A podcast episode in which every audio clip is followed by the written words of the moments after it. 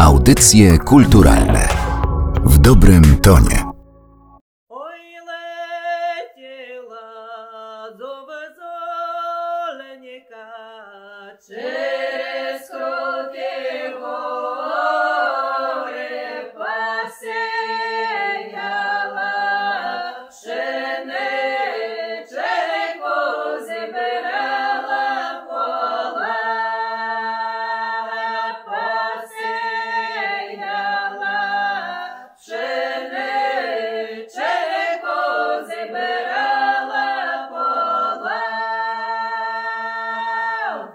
Rozpoczynamy kolejne spotkanie w audycjach kulturalnych przy mikrofonie Aleksandra Galant i powiem szczerze, że jeżeli chcielibyście przenieść się w zupełnie inny wymiar, to ja mam podpowiedź, jak to zrobić. Najlepiej posłuchać pieśni wykonywanych przez panie z zespołu z lasu. Ja to przed chwilą zrobiłam, bo panie śpiewały na Festiwalu Wschód Kultury w Białymstoku. Co ważniejsze, zgodziły się ze mną porozmawiać i razem ze mną i z wami. Jest w tej chwili Julita Charytoniuk oraz pani Jagna Knitel, które mam nadzieję więcej opowiedzą o tym, co robią. Dzień dobry. Dzień dobry. Jaki jest początek tej historii, tej historii ze śpiewaniem? Historię ze śpiewaniem to każdy z nas ma tam jakąś swoją. Ktoś śpiewał dzieckiem będąc, ktoś śpiewał w liceum, ale śpiewanie pieśni tradycyjnych to już był w wypadku każdej z nas taki świadomy wybór no, w miarę dorosłym wieku. Niektóre były jeszcze faktycznie bardzo młode, ale już to było coś, co przyszło niejako z zewnątrz, ale większość z nas trafiła kiedyś na warsztaty, usłyszała przepiękny śpiew. W większości najpierw usłyszałyśmy śpiew ludzi, którzy wykonują te tradycyjne pieśni, czyli tak jakby rekonstruują muzykę tradycyjną, folklor. A w moim przypadku to byli członkowie zespołu Drewo, czyli mistrzowie śpiewu, śpiewali przepięknie. Ja tam trochę się uczyłam u nich na warsztatach. I zapragnęłam dowiedzieć się, jak to naprawdę jest z tą muzyką, z tym śpiewem, z tymi pieśniami, z tym śpiewem takim wiejskim, śpiewem starodawnym, ponieważ oni śpiewali tak pięknie, że ja po prostu nie wierzyłam w to, że to tak i takie różne skomplikowane były tam rozwiązania muzyczne, melodyczne. Ale mówili mi, że tak, tak, tak, ludzie na wsi śpiewali kiedyś, bo oczywiście to nie jest tak, że to wszystko sobie trwa i jest tego mnóstwo. No i w ten sposób trafiłam na wieś, bo ciekawość zawiodła mnie właśnie na Ukrainę najpierw, potem jeszcze dalej na Białoruś, do Rosji też jeździłam, żeby poznawać Panie mm, mówią, piszą, że te pieśni, które wykonujecie są z Polesia, z regionu Polesia. To jest bardzo charakterystyczny, historyczny region. Dlaczego akurat to jest ten kierunek? W czasie koncertu pani powiedziała, że tylko pani pochodzi z Białego Stoku. Spotkałyśmy się przy jednym z projektów Jagny. Dziewczyny już w 2008 pojechały pierwszy raz tam na wyprawę na wieś. Kilka z nas dołączyło w 2009, potem kolejne i tak jesteśmy teraz ośmiu, a nawet dziewięcioosobową grupą. Każdą z nas co innego pewnie tutaj przyciągnęło, ale wszystkie jesteśmy zdania, że takie zbiorowe śpiewanie wspólne to jest coś bardzo przyjemnego i coś, co daje nam nie tylko satysfakcję, ale jest czymś, bez czego trudno jest nam chyba funkcjonować, jak już tak jesteśmy w tym głęboko. Chyba to jest takie najbardziej, dla mnie przynajmniej istotne w tym śpiewaniu wspólnym, że jesteśmy ekipą, która razem wyjeżdża, razem śpiewa, razem wymyśla koncerty. Mnie się wydaje, oczywiście nie jestem tutaj ekspertką, ale że te tajemnice Polesia, one się po prostu nie kończą i można szukać, szukać, szukać i znajdować. To jest kwestia takiej przeszłości zaklętej gdzieś jeszcze w, w ludziach, w przyrodzie. Oczywiście cywilizacja dotarła i na Polesie, bo jeszcze tylko uzupełnię, że my jeździłyśmy w różne strony. Każda z nas poznała różne regiony geograficzne i różnych ludzi z różnych stron, a to Polesie nas tak jakoś bardzo przyciąga. Po pierwsze dlatego, że no nie jest to tak strasznie daleko od nas. Pomijając czekanie na granicy, to właściwie nie jest daleko.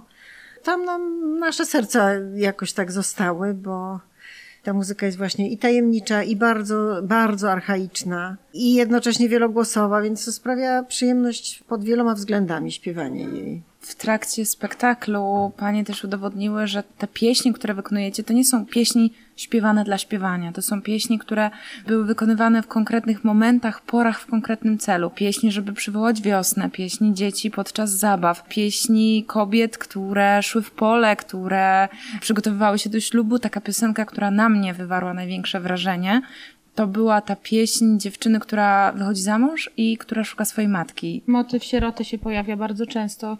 Są też takie bardzo żałośne i bardzo wzruszające pieśni, weselne właśnie, które się śpiewa tylko i wyłącznie sierocie i się ich nie śpiewa w wypadku, kiedy dziewczyna ma oboje rodziców. Bo w ogóle w tych pieśniach można odnaleźć mnóstwo takiej nostalgii, mnóstwo smutków. Jest w nich zaklęte mnóstwo smutków, bo ludzie śpiewali, żeby się pocieszyć, żeby jakoś podtrzymać się na duchu.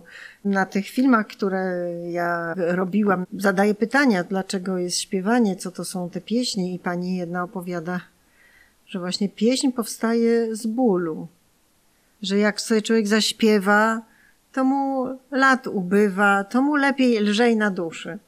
Dlatego jak nas ludzie czasem pytają tak towarzysko, że a co takie smutne te piosenki, zaśpiewajcie coś wesołego.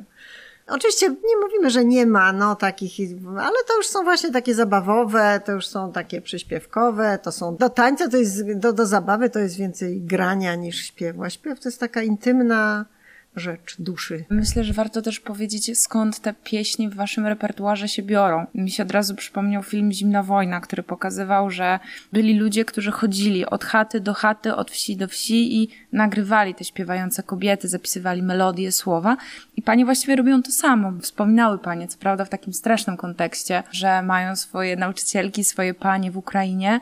W tej chwili nie, nie można ich odwiedzać i można mieć tylko nadzieję, że to się szybko skończy.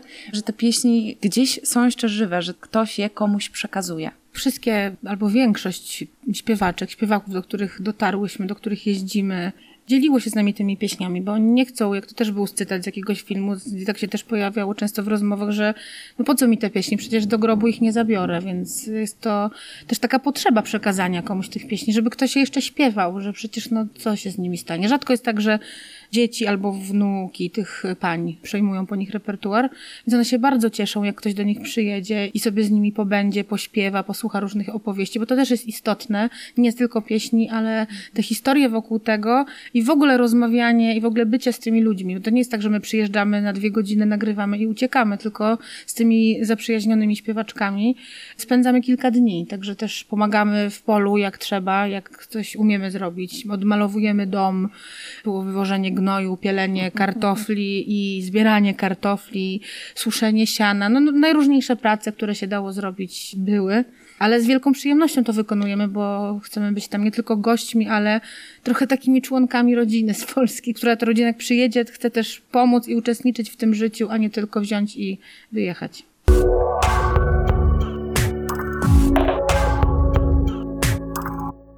To, co ja usłyszałam, nie jest porównywalne do niczego, co na przykład słyszymy w radiu, do takiej muzyki popularnej. I ja się zastanawiam, czy śpiewać takie pieśni tradycyjne, ludowe w taki sposób, jak panie robią, to może robić każdy z nas, czy to jest kwestia jakiejś szczególnej umiejętności? Oczywiście nie mówię o zaangażowaniu, treningu, o tym wszystkim, co, co panie robią, ale chodzi o ten głos, który jest nieprawdopodobny.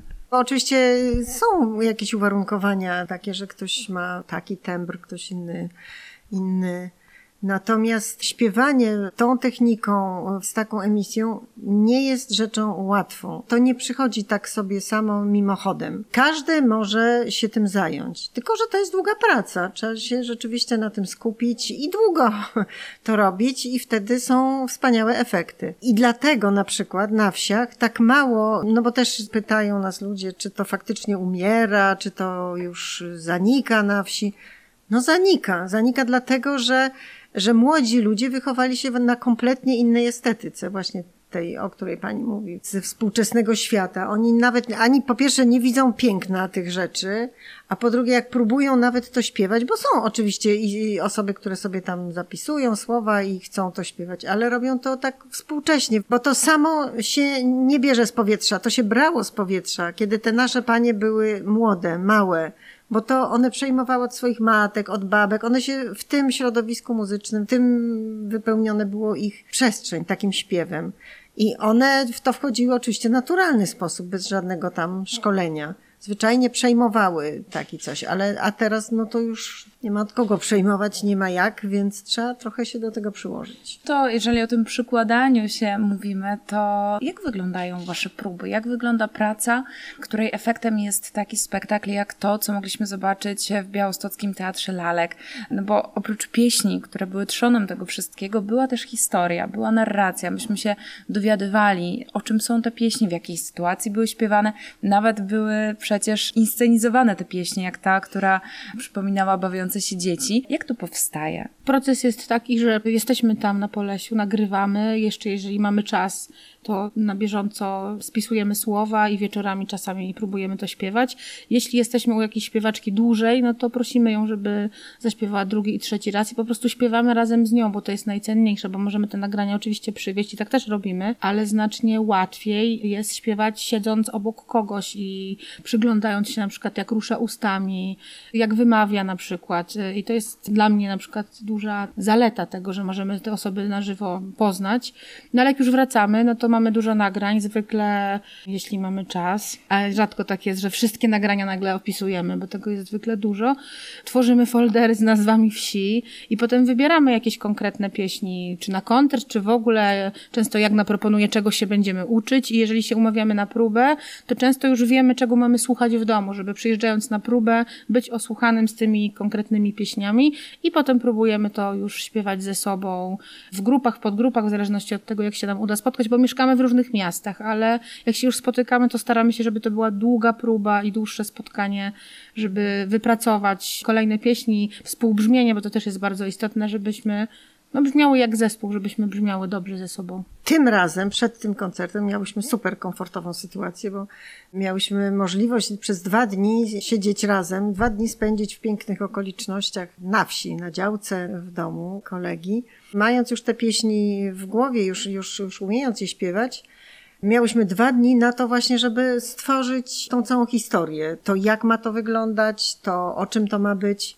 No oczywiście tutaj Ewa Grochowska ogromną zasługę ma, że to tak ładnie potrafi w słowach przekazać to, co nam się tam w głowach rodziło, ale ja uwielbiam po prostu tą sytuację, kiedy mamy przestrzeń i czas, możliwość bycia w takim procesie, że, że razem coś tworzymy. Pani zwróciła uwagę na jedną rzecz, o której ja nie pomyślałam, mianowicie, że te pieśni wykonywane są raz, że w innych językach niż polski, Dwa, że w takich językach bardzo archaicznych, bo mhm. pani mówiła, że to nie są pieśni, które są śpiewane dzisiaj, to są pieśni, które są przechowywane w głowach, sercach i umysłach kobiet, które śpiewały je kiedyś i uczyły się od swoich babek. Czy oprócz tego, żeby je śpiewać, trzymać się melodii, dobrze powtarzać, język nie jest problemem? Języka nauczyłyśmy się już dawno, bo od dawna jeździmy na Ukrainę, w ogóle na Polesie, więc tamtejszy język znamy na tyle, żeby się spokojnie komunikować oraz y, rozumieć to, co jest. Natomiast ogromną trudnością jest to, żeby zachować wierność konkretnym gwarom, bo ich jest tu mnóstwo, bo w każdej wsi trochę inaczej się śpiewa. Ja na przykład wychowałam się na wsi i moi dziadkowie mówili w gwarze, bardzo podobnej do kilku wsi, do których jeździmy, więc mam może trochę łatwiej e, z usłyszaniem różnic, bo się po prostu w tym języku komunikowałam jako małe dziecko. Nawet chyba lepiej w którymś momencie mówiłam w gwarze niż w języku polskim, więc jest to dla mnie bardzo naturalne, że jak przekraczamy granicę ukraińską czy białoruską, to od razu się włącza ten inny język. No mam też znajomych, z którymi rozmawiam w tych gwarach w zasadzie, czy tam w języku ukraińskim, ale tak, przydaje się znajomość. Im więcej tam, dłużej tam jeździmy, więcej przebywamy z paniami, to więcej rozumiemy też tekstów. Oczywiście kontekst czasami może być inny niż nam się wydaje, ale jakby słownictwo jest, coraz bardziej zrozumiałe i to też dużo ułatwia. O szacunku i czułości do słów, do muzyki, do historii, do kultury, a przede wszystkim do ludzi mówiły Julita Harytoniuk i Jagna Knitel z zespołu z lasów. Bardzo dziękuję za rozmowę. Dziękujemy. Dziękuję. Jedę, do niu, do